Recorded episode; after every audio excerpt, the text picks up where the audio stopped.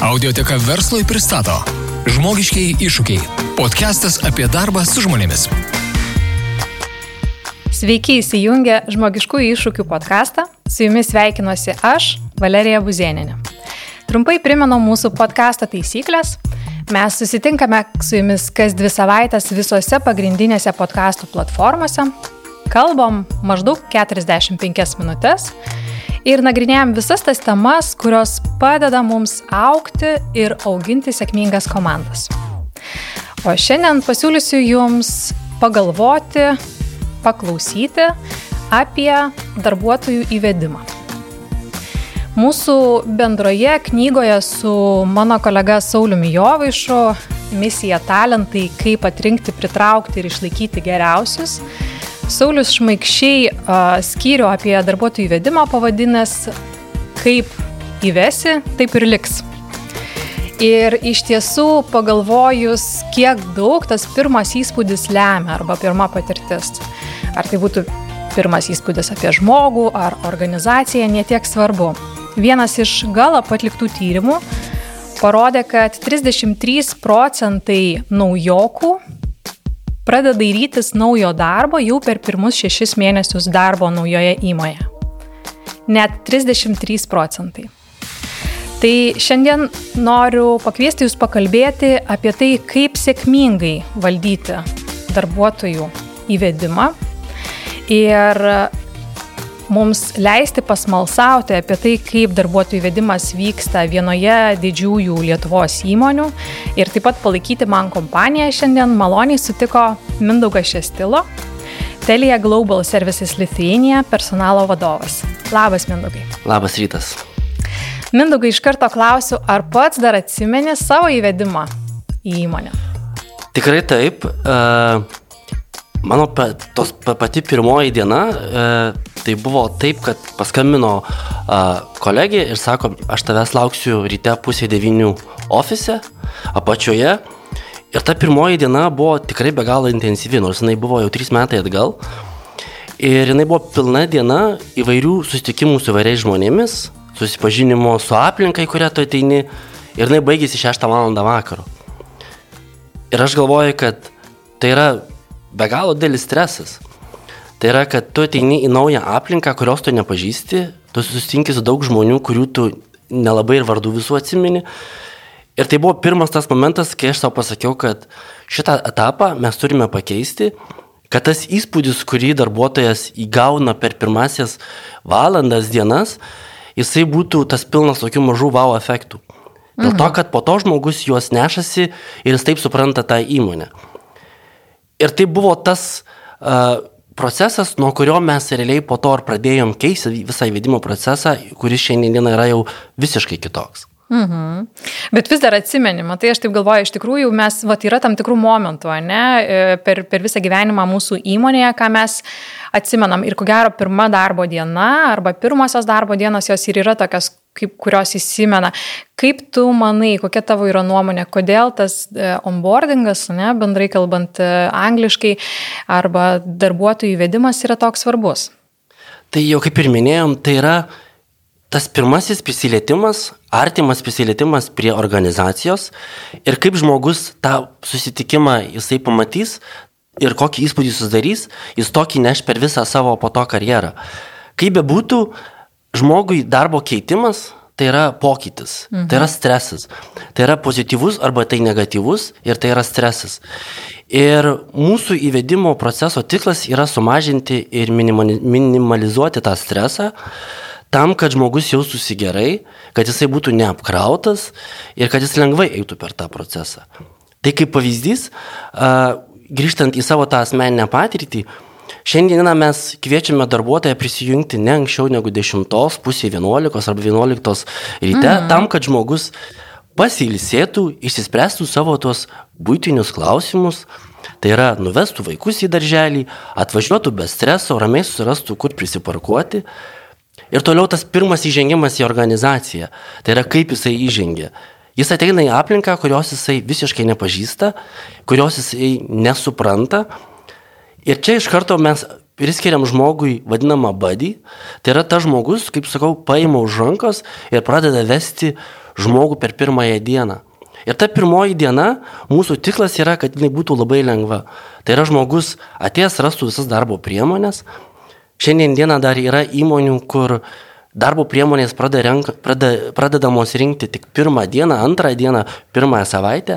Mūsų nuomonė, tai šita hygiena jau turi būti išspręsta iki ateinant žmogui. Mhm. Toliau susipažinimas su komanda ir pirmoji diena pas mus baigėsi apie 3-4 valandą, tam, kad žmogus truputį prisilietęs prie organizacijos, suprasdamas, kur jisai gali pavalgyti, kaip jo kolegos atrodo, kaip elgesi, koks yra apsirengimo uh, vadinamas dress kodas. Ir jisai be streso grįžta atgal namo ir jis jau sekančią dieną, jisai ateina su visai kitokiu vaizdu, jisai supranta, kur jisai ateina, kur jam reikės, uh, kur jo yra darbo vieta, kur jo visas, kaip jo visas gyvenimas galų gale atrodys. Mhm. Čia labai gera mintis, bet aš dabar galvoju, kad visiems, kurie klauso, ir galbūt nebūtinai net didelėm organizacijom, ne? man labai patiko Mindaugai tavo mintis, kad mes norime sumažinti stresą, ne? pradėdami vėliau ir pabaigdami anksčiau šiek tiek tą pirmą darbo dieną. Bet vienas, viena iš didžiausių klaidų, kas vyksta įvedant darbuotojų, ypatingai mažose įmonėse, kad nebūna pasiruošę, kaip tu ir sakai, ne? darbo priemonių paruošti, arba ten ateina, tarkim, nedaug dievė, naujokas, o jo vadovo dar nėra darbė, jisai vėluoja kažkur kamščiuose ar dar kažkur, žinai, dažnai pirmadienio rytas sunkus. Tai e, aš manau, kad vat, pasinaudojus to patarimu, pavėlinus pirmos dienos starto laiką, mes galime išvengti ir tos grubios klaidos, kad atei žmogus, o mes dar nepasiruošę jo priimti. Ne? Nes čia 9 val. jeigu mes patys susirenkam, tai mes dar turėsim laiko tuos tušinukus ar kažką ten mm. surinkti ir padėti ant stalo. Nu, aš čia, aišku, taip supaprastinu viską, bet e, tai gali būti netgi labai praktiškas dalykas iš įmonės pusės, ūkinės pusės, ne? kas pagelbėtų ir... Turbūt padėtų.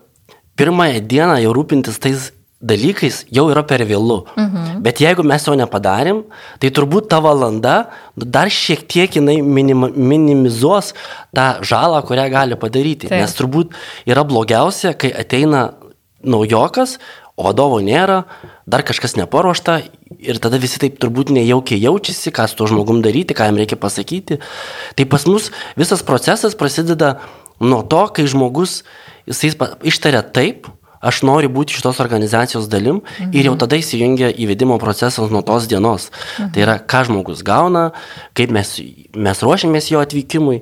Mūsų situacija yra specifinė tame, kad labai dažnai to vadovo nėra Lietuvoje. Tas vadovas tai yra švedas, suomis, norvegas. Ir aš kai kalbėjau apie stresą, tai stresas yra ne tik pačiam darbuotojui, bet ir vadovui. Įsivaizduokim uh, situaciją, kai vadovas švedas, kuris uh, nesamdo labai dažnai, bet nusisamdo kolegą čia Lietuvoje ir dabar jam būnant tenai, ypatingai šiuo laikotarpiu, kai tu negali atskristi, jeigu jam reikėtų pradėti rūpintis visais tais dalykais, kaip ta pirma diena atrodys, kompiuterių visi užsakymai, tai natūralu tai būtų stresas ir vadovui. Mhm. Tai tas įvedimas jisai yra streso su, suvaldymas iš abiejų pusių. Ir tokiu atveju abiejos pusės jaučiasi daug, daug komfortabiliau, ir tas procesas tampa jis daug paprastesnis, daug lengvesnis. Mhm. Ir tas įspūdis po to uh, žmogui, uh, kai mes klausiam, nes mes darom tyrimus, uh, apklausas po dviejų savaičių, klausiam darbuotojo po keturių savaičių, tarp šešių savaičių, kaip jisai jaučiasi. Ir iš tikrųjų tada jau mes kalbame vis apie visai kitokius dalykus. Jau mes nekalbam apie tai, kad nebuvo kompiuterio. Uh, ir tas grįžtamasis ryšys kol kas iš tikrųjų yra, nu, tik pozityvus. Mhm. Yra detalės, bet vis, ir tas procesas yra nuolatos gerinimas. Mhm. Supratau. Truputį grįžtant prie to, kodėl um, tas onboardingas yra labai svarbus procesas, dar norėjau pabrėžti keletą aspektų. Ne? Dabar mes, kadangi turim pakankamai sudėtingą darbo rinką ir, na, man kaip atrankistė į tą, tą labai, labai eina pajausti visada, manau, kad ir tu susiduri, uh, mes iš tikrųjų padarom tą atranką pakankamai tokia komercializuota. Ne? Tai prasme, mes iš tikrųjų parduodam žmogui idėją, kad jis ateitų ir prisijungtų prie mūsų organizacijos organizacijas. Tai kai mes parduodam kiekviename atrankos etape ir vis ten stiprinam tą jausmą, įsitraukimą, tai labai svarbu, kad nebūtų didelio atotrukio tarp to, kaip mes pardavinėjom per atranką ir kaip tada vyksta įvadinis procesas. Ne? Tai va čia ką norėjau klausytojams e, pabrėžti ir ką Mindugas jau paminėjo, kad e, tas įvedimo procesas jis turėtų prasidėti nuo, nuo, nuo to momento, kai žmogus jau priema pasiūlymą ne? ir, ir, ir mes jau pradedam veiksmus. Kitas dalykas, ką mes stebime irgi bendrai darbo rinkoje, kad darbo laikas, kurį arba tas laikotarpis, kurį žmogus praleidžia vienoje įmonėje, jisai trumpėja. Ne? Jauni žmonės linkia dažniau keisti darbą. Ką tai reiškia mums kaip verslui? Tai reiškia, kad mes turime tą įvedimą padaryti efektyvesnį ir greitesnį, tam, kad naudą iš žmogaus paimtumėm greičiau, kad greičiau jį įvestumėm ir e, kad jis pats jaustųsi naudingas, ne, ir kad mes gautumėm kažkokią gražą iš tos samdos, nes kitaip mes įvedinėsim ilgai, nuobodžiai, jisai jau susiruošia išeiti, mes vis dar negaunam jokios, jokio, jokios tos gražos. Ne. Tai čia labai svarbu suprasti ir dabar norėjau grįžti šiek tiek prie tavo minties, kad mūsų tas onboardingas prasideda jau tada, kai žmogus priema darbo pasiūlymą. Ne? Ir taip, jeigu pažiūrėti tą onboardingą kaip procesą ilgai, tai mes galime netgi jį skaidyti tokį preboardingą, kuris nuo pasiūlymo prieimimo iki starto. Tada pirmosios dienos, tai ten daugiau būna organizacinė, technologinė visa, vis, visa pusė. Ir tada tas onboardingas, kuris tęsiasi su tiesioginiu vadovu, tai yra įvedimas į darbą, KPIs ir panašiai. Gal gali papasakot plačiau, kaip jūs darote, ką ką jūs darote per tą laikotarpį nuo pasiūlymo prieimimo iki starto? Mhm. Aš gal turbūt pataisysiu, kad onboardingas prasideda nuo to momento, kai darbuotojas nusprendžia, kad galbūt jam darbas šitoje įmonėje gali būti įdomus. Mhm. Ir kai jisai pradeda išreiškia norą, arba mes jį patys pasiekėm kažkokiu vienokiu ar kitokiu būdu, mes sakom, kad jau čia prasidėjo onboardingas. Okay. Dėl to, kad žmogus ateidamas pas mus, jisai jau turi suprasti ir turi pradėti jausti mūsų organizacijos vertybės. Taip. Tai yra tas rūpestis. Kas, kai sakom rūpestis, tai yra, jeigu žmogus skiria laiką mums, mums yra be galo svarbu rodyti pagarbą tam žmogui. Taip. Tai yra, žmogus turi suprasti, kuriame jisai atrankos etape yra. Ir tuo metu, kai mes sakome, kad vis dėlto mes tavęs nepasirinkom į šią poziciją, Tai nereiškia, kad mes žmogaus nepasirinkom įmonę, mes nepasirinkome tik į tą poziciją. Ir tas žmogus, jisai gali ateiti į sekančią poziciją mhm. ir jisai gali ateiti į organizaciją per kitą poziciją.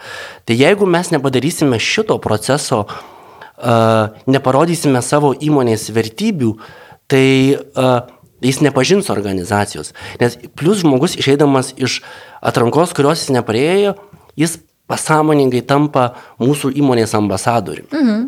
Ir tai yra be galo svarbu. Po to, kai jau žmogus, tarkim, mes padėjom atranką ir sakom, mes norim, kad šitas žmogus ateitų, ir tada tas procesas vėlgi prasideda nuo to, kaip mes galime supaprastinti tą žmogaus įvažiavimą. Tai yra pirmas etapas, ką mes padarėm, tai tas darbo sutarties pasirašymas. Mhm. Ir kas iki karantino atrodė neįmanoma, Tai per karantiną mes per porą savaičių pasileidome elektroninį parašą, tai yra, kad žmogus gali, gali pasirašyti darbo sutartį elektroniniu būdu. Viena iš mūsų vertybių yra Simplify. Tai jau irgi parodome, kad mes kiek įmanoma visuose procesuose bandome supaprastinti ir suefektyvinti savo veiklą. Mhm. Tas darbo pasirašymas yra vienas iš to pavyzdžių. Toliau, kai žmogus jau prima darbo pasiūlymą, tai yra, mes jam, jisai gauna tam tikrą informaciją, tai yra apie įmonę, toliau jisai gauna laišką iš badžio, kuris yra priskiriamas ir tas badis pradeda bendrauti. Tai yra pradeda susitarti, kada tas žmogus ateis, Jeigu nutinka taip, kad žmogus, tarkim, startuoja, e, e, taip vadinama, remotely, nes dalis organizacijos vis dėlto taip ir startuoja. Turėjom pavyzdį, kai žmogus iš Indijos, nusamdėm žmogų Indijoje, žmogus startavo būdamas ne Lietuvoje. Tai va šitoj vietoj badis atlieka su, labai sudėtingą, bet labai reikalingą darbą. Tai yra, jisai jau pradeda žmogų vedinėti į organizaciją, dar jam nesant organizacijų, jau užsimesga ryšys. Ir po to jau tas sekantis etapas tai yra ta pirmoji diena. Tai yra, kai žmogus ateina į organizaciją, mhm. tai čia kita dalis, ir toliau sekančios dalys tai yra uh, tie vadinami onboardingo moduliai. Mhm. Nepaisant to, kad mes į organizaciją samdom apie 20-30 darbuotojų per mėnesį, mes labai uh, mūsų vienas iš principų, kad tai turi būti labai asmeninis ryšys. Mhm. Mes niekada nedarom tų vadinamų naujokų dienų, tai yra, kai surenkam 30-40 darbuotojų auditoriją, atsistoja organizacijos vadovas, HR ir kažką pasakoja. Mes skaidome mažas dalis, tai yra 15, maksimum 15-10 žmonių ir jie eina per tą įvedimo tuos modulius. Tai yra susitikimas su HR, kur yra proga pabendrauti, padiskutuoti ir tai nėra taip, kad mes kalbam į vieną pusę, bet tai vyksta diskusija. Toliau kitas etapas tai yra susipažinimas su organizacijos uh, skirtingais padaliniais, su organizacijos vadovu ir tai irgi yra asmeninis ryšys. Kas, kas, kam tai yra daroma, nes mes sek, nešam žinutę, kad mes esam plokščia organizacija, nehierarchiška ir mes taip mažinam tą fizinį ir psichologinį atstumą tarp darbuotojo ir tarp mhm. vadovo. Ir mes parodom, kad kiekvienas darbuotojas, jo nuomonė yra svarbi ir kad jisai šito organizacijoje atsineždamas idėją, jisai gali tą idėją pasakyti ir ją ir įgyvendinti. Mhm. Tai apibendrinant, mūsų va, tas principas, tas asmeninis dėmesys darbuotojui, jisai daug greičiau leidžia tam darbuotojui įsivažiuoti į organizaciją ir galų gale jis tada supranta, kad vis dėlto tos deklaruojamos vertybės nėra tik tai gražios vertybės ant sienos, bet iš tikrųjų mes tomis vertybėmis ir gyvenam kiekvieną dieną. Mhm. Super, ačiū tau labai už, už tą na, proceso išdėliojimą. Aš dar šiek tiek norėjau grįžti prie to na, pirminio etapo. Ne? Ir tu papasakoji, kad badis yra tas vaidmuo jūsų organizacijai, kuris užmesga ryšį. Tai vėlgi labai norėjau pabrėžti mūsų klausytojams, kas vyksta tuo metu, kai žmogus jau pasakė jums taip, ir ruošiasi prisijungti prie organizacijos. Tai iš esmės tai yra labai jautrus momentas, kadangi tai yra didelis pokytis žmogaus gyvenime. Ir kuo daugiau jis laiko praleido prieš tai buvusioje darbovietėje, tai tuo ko gero jautresnis tas momentas bus. Ne? Tai mes sukuriam tam tikrą rutiną, mes žinome a, tvarką, kaip mes dirbame, mes pažįstame labai gerai žmonės, mes žinome, ko iš mūsų tikimas ir staiga visą tai mes keičiame. Žmogus priima pasiūlymą, jis a, nusprendžia, priima sprendimą keisti keisti ir tada jisai per visą tą laikotarpį, kol prie jūsų prisijungs, jisai gyvens su mintim, ar aš gerai padariau. Ir ta mintis jo nepaleis. Tai čia mūsų kaip įmonės, nesvarbu, ar jūs būtumėt maža įmonė ar, ar didelė organizacija, tikslas yra siūsti jam patvirtinimo signalus, kad tu padarėjai gerai, mes tavęs laukiame, mes džiaugiamės, kad tu ateini. Ir va tai, ką Mindaugas pasakojo, tas badžio galbūt kontaktas, ne, tai yra vienas iš dalykų, ką mes galim padaryti, kad žmogui būtų drąsiau ateiti. Ir ypatingai svarbu galbūt ne, ne tik neapsiriboti to badžio, ne, bet kad pirminiam procese ir e, na, tiesioginis vadovas užmėgstų tą kontaktą. E, galbūt tai galėtų būti kažkokia informacija, kaip mes leidžiam šiek tiek jau susipažinti su, su, su, su organizacija organizacija su tikslais. Ne? Galbūt mes pakviesim tą žmogų į kažkokį jau team buildingą ar kažkokį įmonė, įmonės renginį, ar galbūt komandos kažkoks vakarėlis bus ir mes jau nepamirškim tų naujokų įtraukti. Tiesiog ką norėjau pabrėžti, kad turėkite omeny, kad tas žmogus vis dar blaškosi apmąstymuose, ar aš teisingai nusprendžiau ir padėkite jam uždėti pliusą, kad taip, aš teisingai nusprendžiau. Aš gal tik dar papildysiu, e, kas turbūt dar labai svarbu, irgi labai paprastas dalykas, kai atranką daro, turbūt, jeigu tai yra dėlė įmonė, tai yra atrankos kažkoks specialistas, vadybininkas, dar dažnai yra įmonių, kur atlyginimą iškomunikuoja tas pats atrankos specialistas. Mūsų atveju tai yra svarbu, kad pasiūlymą teiktų tiesioginis vadovas. Tai kur jisai svarbu. bebūtų, mhm. ar jisai yra Lietuvoje ar užsienyje, bet tai yra tas vadovas turi pateikti dėl to, kad tai yra dar kartą Vat ką jūs ir sakėt, tai yra patvirtinimas, pasitvirtinimas žmogui, ar aš teisingai padariau, yeah. nes žmogus išeina iš tam tikros komfortabilios aplinkos ir eina susipažinti su žmonėmis, kurių jis nepažįsta. Tai yra yeah. matyti vieną arba dvi valandas. Tai tas momentas, kai mes kalbame apie oferio tą vadinamą iškomunikavimą, yeah irgi yra be galo svarbu, kad tai yra atliekamas tiesioginio vadovo, bet ne HR specialisto. Jo, čia ačiū tau, kad papildai, čia labai ger, geras pastebėjimas yra e, ir kas tai yra, tai yra jau santykio pradžia tarp vadovo ir darbuotojo, ne? nes man ir, tarkim, agentūroje dirbant e, teko su begalė tokių situacijų susidurti, kai, kad, reiškia, atrankistai įmonės viduje in-house, in nu, tai dar, dar sakyčiau, kad jie jaučia tą kultūrą ir gali, bet mes labai dažnai išgirdavom klausimų, tai jūs pateiksit pasiūlymą, e, išorinis partneris, ne, vėlgi mes e, turime agentūrų ir konsultantų, kurie be galo įsijaučia ir supranta klientą, tačiau tai yra net ne organizacijos organizacijos dalis, ne? Tai čia mano patarimas būtų antrinant Mindaugui, kad iš tiesų e, samdantis vadovas turėtų pakelti ragelį arba susitikti arba parašyti ir, ir pasidžiaugti teikdamas tą, tą pasiūlymą. Mes mhm. dar, dar pat, pat, papildysiu, net ir tą neigiamą atsakymą kandidatui irgi visą laiką sakom ir prašom, kad būtų vadovas tas, kuris mhm. vedė pokalbius, kad jisai iškomunikuotų. Vėlgi čia grįžtant atgal į tą pirminį etapą, kad mūsų onboardingo procesas prasideda nuo tada, kai žmogus išreiškia norą prisijungti prie organizacijos. Mhm. Nes jeigu jisai ateis per kitą atrankos procesą į organizaciją, jisai žinos, kad šito organizacijos meninis ryšys ir tas personal touch iš tikrųjų tai yra principas ir vertybė, kuriame mes gyvenam. Taip. Mhm. Mindugai, e, norėjau paklausti, tu užsiminė apie badį, ne? Ir tai iš tikrųjų naujokui yra labai svarbus e, toks draugas ir vaidmuo. Kaip atrenkat tos žmonės, kaip paskirat naujokui badį? Mhm. Tai visų pirma, badis labai dažnai būna ne komandos žmogus, tai yra ne iš tos pačios komandos. Okay. Tai yra savanoriai darbuotojai, kurie žino, kad yra tokia programa ir jie yra patys išreiškę norą būti tai žmonėmis, kurie padeda žmonėms įsivažiuoti į organizaciją. Ir čia yra du aspektai. Tai yra pirmas, tų žmonių įsitraukimas į organizaciją, tai yra tie žmonės tiki organizaciją, jie žengia ekstra žingsnius tam, kad šitai organizacijai būtų geriau. Tada jie išreiškia norą, tada mes turime tam tikrą mokymų programą, kur mes pasakom, kad tai yra tam tikras čeklistas, per ką reikia praeiti badžiui, tai reikia papasakoti, mhm. tai yra tam tikri dalykai. Ir tas badis jisai tampa tokiu pirmuoju draugu organizacijoje, nes tai yra žmogus, kur, kur labai dažnai tas naujas darbuotojas po to sugrįžta atgal, jeigu turi klausimų. Tai yra tas žmogus, kuris, kurie po to pradeda eiti kartu pietauti, tai yra tas žmogus, kurie prie kavos aparato susitinka. Ir tai yra tas pirmasis kontaktas, kur žmogui padeda įsivažiuoti į organizaciją. Tai tas badžių turėjimas, aš manau, kad tai yra didelė pridėtinė vertė ir organizacijai, ir mhm. tam pačiam badžiui.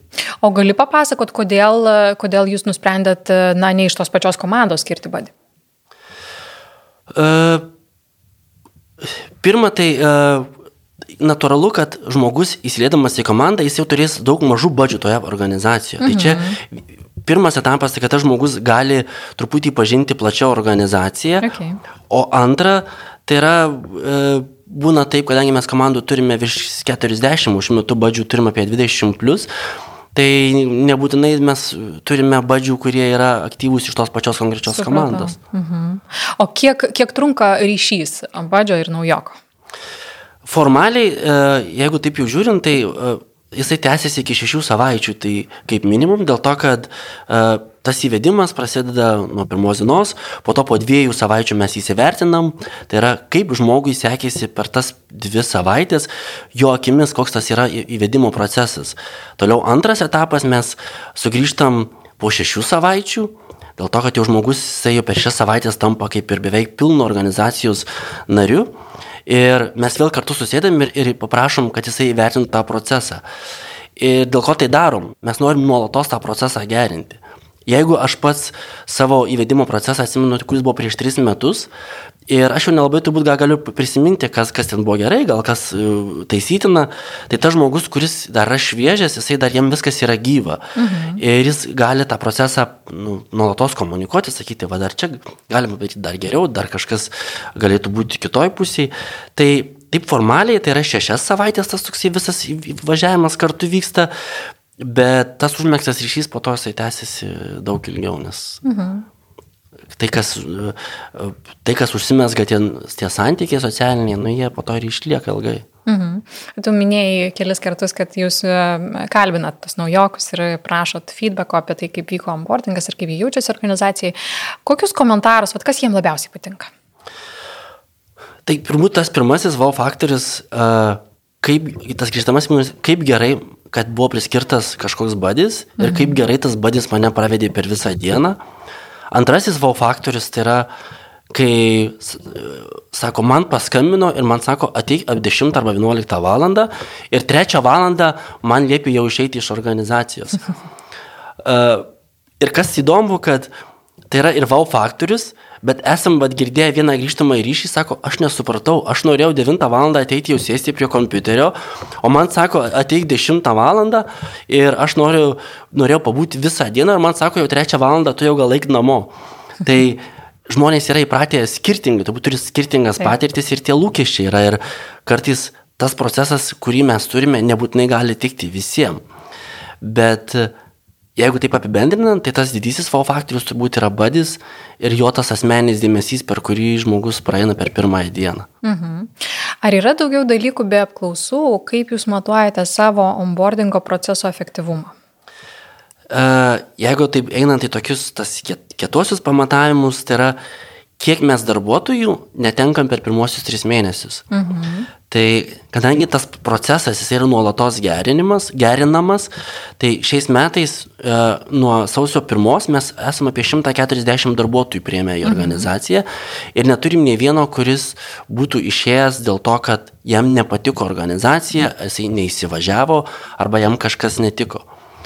Ir kita dalis tai, kad tas kitos rodiklis. Nes yra manoma, kad ir tos pastinas galo pasidaręs tyrimą, kad jeigu darbuotojų įvedimas pasitenkinimas yra geras, tai yra prielaida manyti, kad daugiau, darbu, daugiau šansų, kad darbuotojas išliks organizacijoje pirmosius tris metus. Taip. Tai mūsų kaitos rodiklis pirm, pirmą kartą per mūsų visą istoriją yra iki 10 procentų šiais metais. Super. Tai uh, turbūt tai yra sudėtinė dalis, bet tas onboardingo procesas yra vienas iš tų faktorių, kuris prisideda prie to kaitos rodiklio. Ir jau gal toksai minkštasis tas pamatavimas, tai yra grįžtamasis ryšys iš tų vadovų ir ypatingai iš tų vadovų, kurie yra ne Lietuvoje. Mhm. Tai yra tas jų uh, sugrįžimas ir pasakymas, kad jūsų procesas yra taip gerai sudėliotas, kad aš neturiu jokio nusiskundimo mano žmogus uh, visą laiką klausiant, kaip tau sekasi, jie visą laiką sugrįžta, nu, tas jo gyvenimas dar trumpas organizacijai, bet jie sugrįžta prie įvedimo proceso, ant kiek gerai jiems tas įvedimo procesas buvo palyginus su jų prieš tai buvusią patirtimi. Mhm. Tu paminėjai dabar samdantį vadovą, kaip pasiskirsto, vat, kokia tavo nuomonė yra, kaip pasiskirsto atsakomybė už sėkmingą onboardingą tarp personalo organizacijos, personalo funkcijos ir tiesioginio vadovo. Aš sakyčiau, vis dėlto didžiaja dalim sėkmė turbūt priklauso nuo vadovo, nuo tiesioginio mm. vadovo. Tai yra, kaip jisai aiškiai sudėlios tikslus, kaip jisai įves į organizaciją, į tą funkcinę organizaciją, nes mūsų tas visas onboardingo procesas yra tas vadinamas iš lokalus onboardingas ir funkcinis onboardingas. Taip. Ir jis yra labai aiškiai struktūruotas ir mes turime tam tikrą čeklistą, kurį uh, prieš samdant, jau prieš ateinant darbuotojui pirmą dieną į organizaciją, mes pasidarom visą laiką briefingą kartu su vadovu užsieniečiu. Tai yra, jam yra perinam per tam tikrus etapus, užtikrintami, kad tas vadovas, kai jisai pasims tą žmogų jau bendrauti toliau, kad jisai padarys tam tikrus žingsnius. Tai yra papasakos, kaip mes darome, kaip, iš, kas mes kaip organizacija, iš kur mes uždirbam pinigus kaip organizacija, toliau tas kultūrinis įvedimas, supažindinimas su plačiaja organizacija, toliau aišku susidėliojimas tų tokių mažų žingsnelių, tai yra ką aš kaip darbuotojas turiu padaryti per pirmąją savaitę, per pirmąjį mėnesį, mhm. per pirmosius tris mėnesius, toliau susidėliojamas tokių minimalių, uh, tų vadinamų ways of working, kaip mes dažnai susitiksim, kaip mes dirbsim kartu. Ir jeigu kuo mes konkrečiau, aiškiau susidėliosim struktūruotai tą visą procesą, tuo lengviau bus organizacija ir tam pačiam žmogui. Mhm. Tai atsakant į klausimą, vadovo did, indėlis, manau, kad tai yra didžiausias. Uh, nenuvertinant tai čiaro, bet uh, tai yra tokie turbūt hygieniniai dalykai, nes mūsų tikslas kaip aičiaro tai yra užtikrinti, kad yra hygiena ir kad žmogus kultūriškai jisai vertybiškai pradeda suprasti organizaciją ir turi šansą pasitikrinti, ar mano asmeninės vertybės sutampa su organizacijos vertybėmis. Visiškai jo. Ir jeigu mhm. žmogus pasitik, gavo tą šansą pasitikrinti per tą mūsų vedimo procesą ir jis mato, kad taip, tai yra tai, ką aš tikėjausi, mano vertybė sutampa, toliau didysis darbas prasideda, tai yra vadovo. Mm -hmm. Aš čia visiškai tau pritariu, nes kartais, žinai, tenka girdėti, na, mes žmogiškai ieškoti kažkur pasteisinimų, kai kažkas nepavyksta, ne? tai sako, nu čia rekrutmento klaida, žinai, arba sako, čia onboardingo klaida, jūs kaž, kažkaip mano tą žmogų netaip įvedėm, tai įvedėt, žinai, kažkas kažką netaip padarė. Bet iš tikrųjų, jeigu žiūrėti į tą statistiką, vėlgi į tyrimus, ne, kodėl įvyksta ankstyva kaita, ne, kodėl e, keičiasi žmonės, išeina žmonės per pirmus tris mėnesius. Tai dažniausiai e, tie svarbiausi faktoriai nurodomi yra, kad žmonės jaučiasi nevertinami, tai yra jų nepatikė pastebi. Ir kitas faktorius, kad jie per tris mėnesius pamato, kad jie nepasieks tam tikros sėkmės, ne? arba jie nesupranta, kaip pasiekti tam tikrų tikslų. Ne? Tai tiek viena, tiek kita yra labai smarkiai priklausoma nuo tiesioginio vadovo. Ir tai, ką tu sakai, kad tai tiek supažindinti su organizacija, tiek papasakotos ways of working, ne? tiek pristatyti KPI'sus ir mano kaip vadovo lūkesčius tau kaip darbuotojui. Ne? Tas yra labai svarbu, kad žmogus suprastų, koks yra jo nutiestas kelias į sėkmę, kaip jis galės toliau judėti per organizaciją.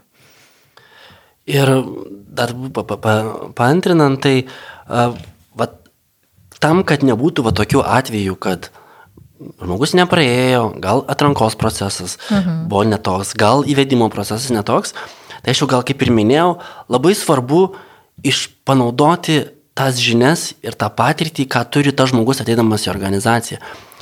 Tas grįžtamasis ryšys. Ir čia turbūt vaidina vieną iš svarbiausių vaidmenų gerinant tą patirtį.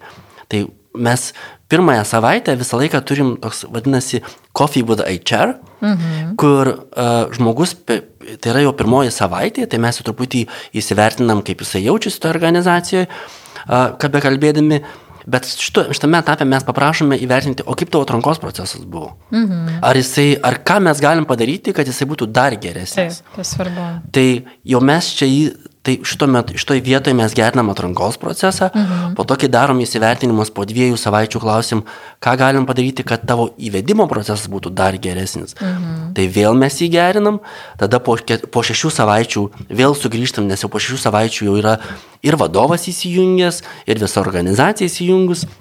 Ir jau žmogus yra tarsi pilnavertis narys. Ir tada vėl klausim, ką mes galim pagerinti tas sekančias savaitės.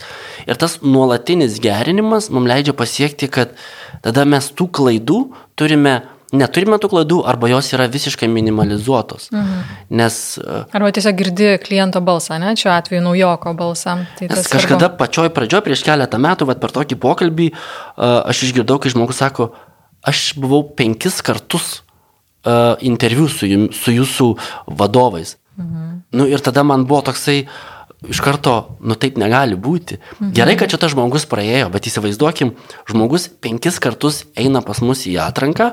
Ir tada gauna ne. Ir, ir ką tai reiškia žmogui? Nu, tam yra tarsi šeimos išdavystė, nes jeigu jisai išeina iš darbo, nu kiekvieną kartą jisai turbūt jaučiasi viduje, kad kažkur, nu jisai tarsi išduoda savo šeimą, kurioje jisai yra. Nu ir įsivaizduokim, tokiu atveju žmogus nepraeina. Tai kokį įspūdį jisai susidaro.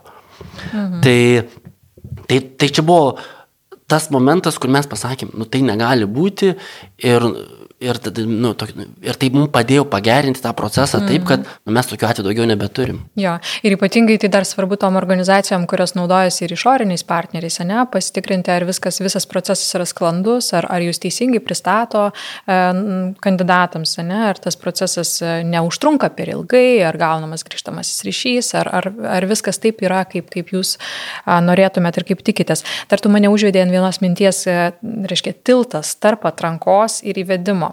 Iš tiesų atrankoji mes išgirstam tiek daug informacijos, kuri yra be galo svarbi įvedimui.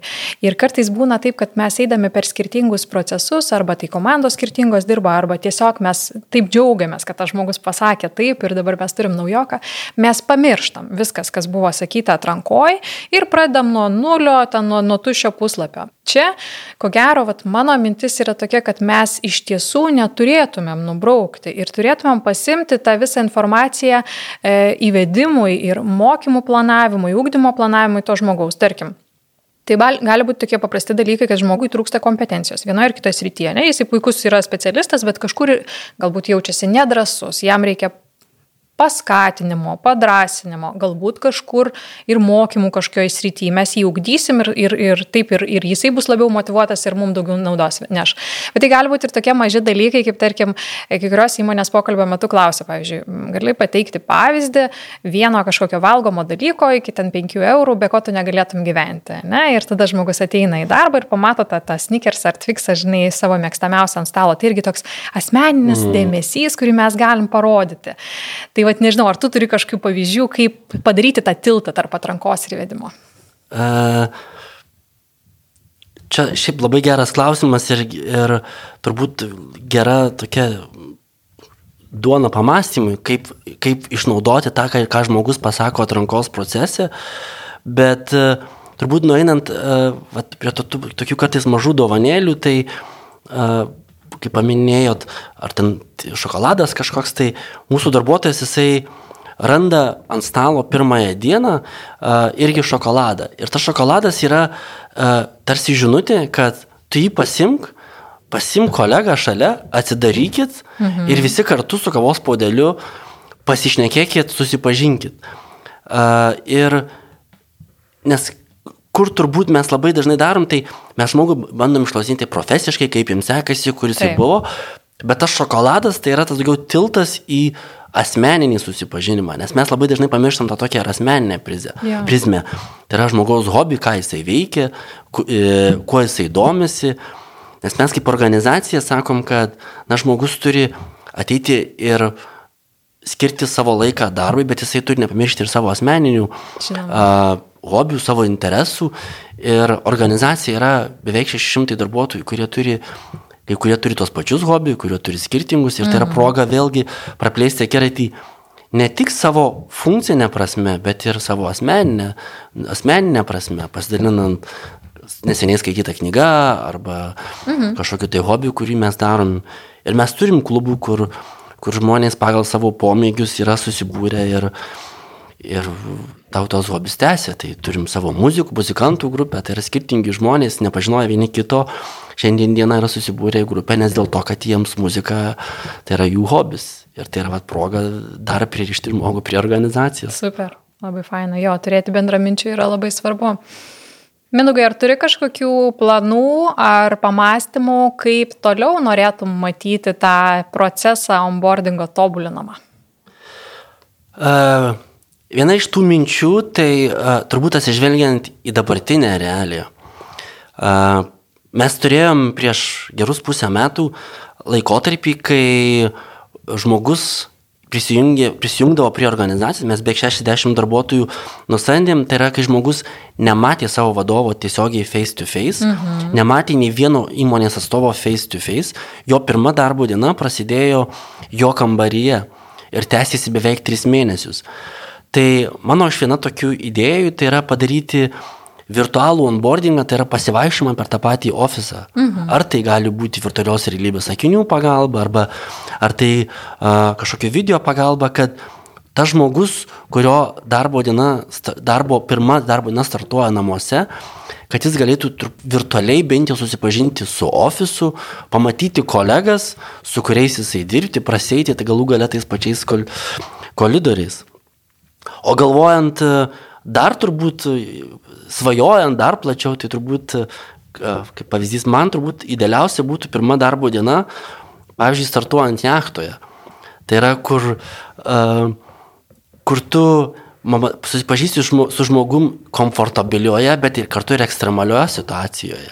Ir tu pamiršęs visus titulus, pamiršęs visus mm. skirtumus, tu supranti, kaip žmogus uh, jaučiasi, elgesi skirtingose situacijose. Ir kuo mes gilesnį ryšį užmėgsime tarpusavyje, tuo lengviau po to mums bus uh, kasdieninėje darbinėje veikloje. Mhm. Super, labai faina svajonė. Aš dar šiek tiek galvoju, mes, kadangi turim laiko, e, ar pas jūsų organizacijoje įvedimas priklauso nuo pozicijos lygio? Ar jis yra vientisas procesas visiems? Tai turbūt sugrįžtant prie mūsų principų.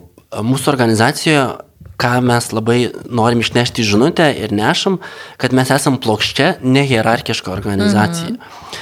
Ir kad tu organizacijoje, nesvarbu, ar tu esi praktikantas, ar tu esi įmonės vadovas, bet mes esame visi lygus. Taip. Ir tavo procesas, jisai nieko nesiskiria, ar tu esi vadovas, ar tu esi tas praktikantas, kuris atėjo pasistažuoti trim mėnesiam, jie visi eina per tą patį procesą.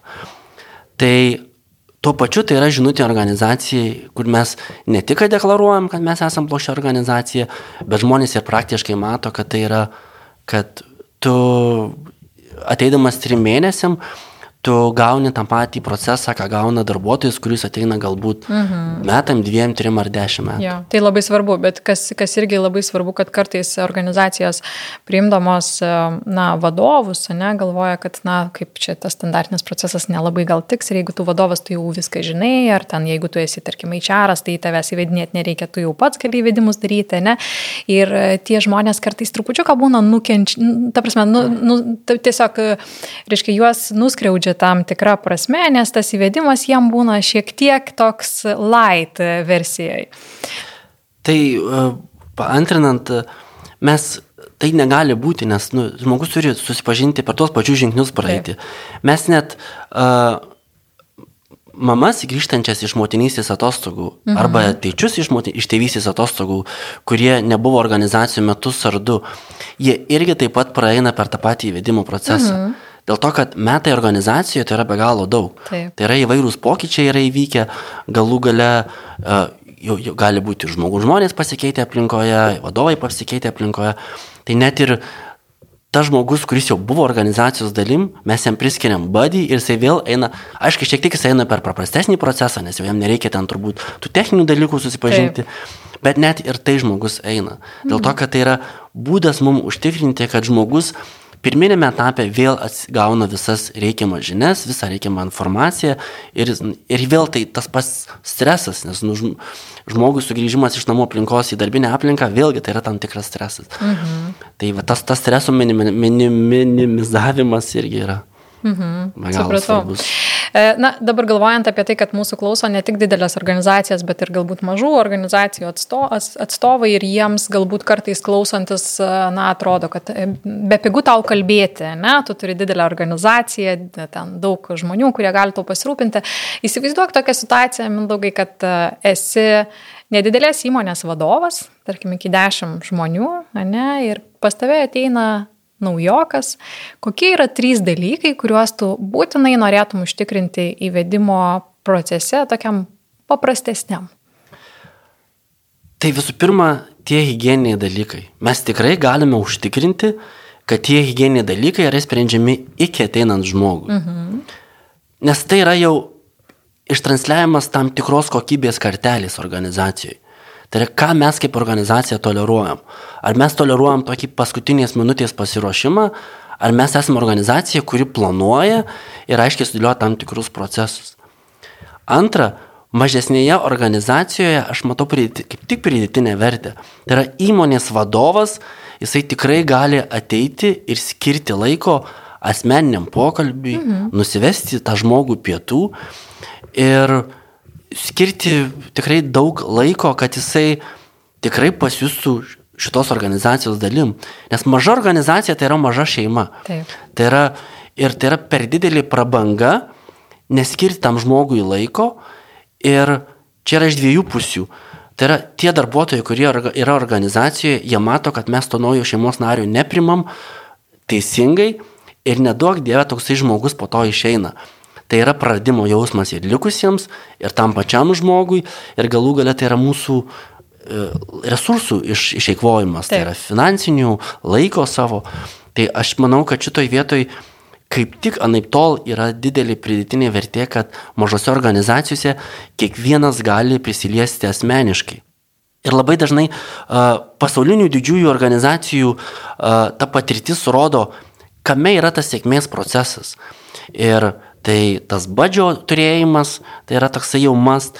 Ir kita dalis, ką labai dažnai tos didžios organizacijos daro, kad užtikrina, kad tas darbuotojas turi galimybę pabendrauti, padiskutuoti, susimatyti su aukščiausia įmonės vadovybė. Didelėse organizacijose dėl laiko, dėl procesų gali tai nepavykti, bet mažose naip tol. Tai mhm. jeigu mes jau negalim skirti laiko šitam žmogui, tai klausimas, ar tikrai mums to darbuotojo reikia. Mhm. Ok, nu tai čia mes turim puikų receptą ir puikų planą mažoms įmonėms. Mes su tavim pakalbėjom nemažai apie tai, kaip mes kaip organizacija ruošiamės e, visapusiškai naujokų ateimui. Ne? Kaip tau atrodo, vat, ką tu patartum pačiam naujokui, kaip pasiruošti tam sėkmingam onboardingui iš savo pusės, ką jis turi padaryti iš anksto arba ką numatyti?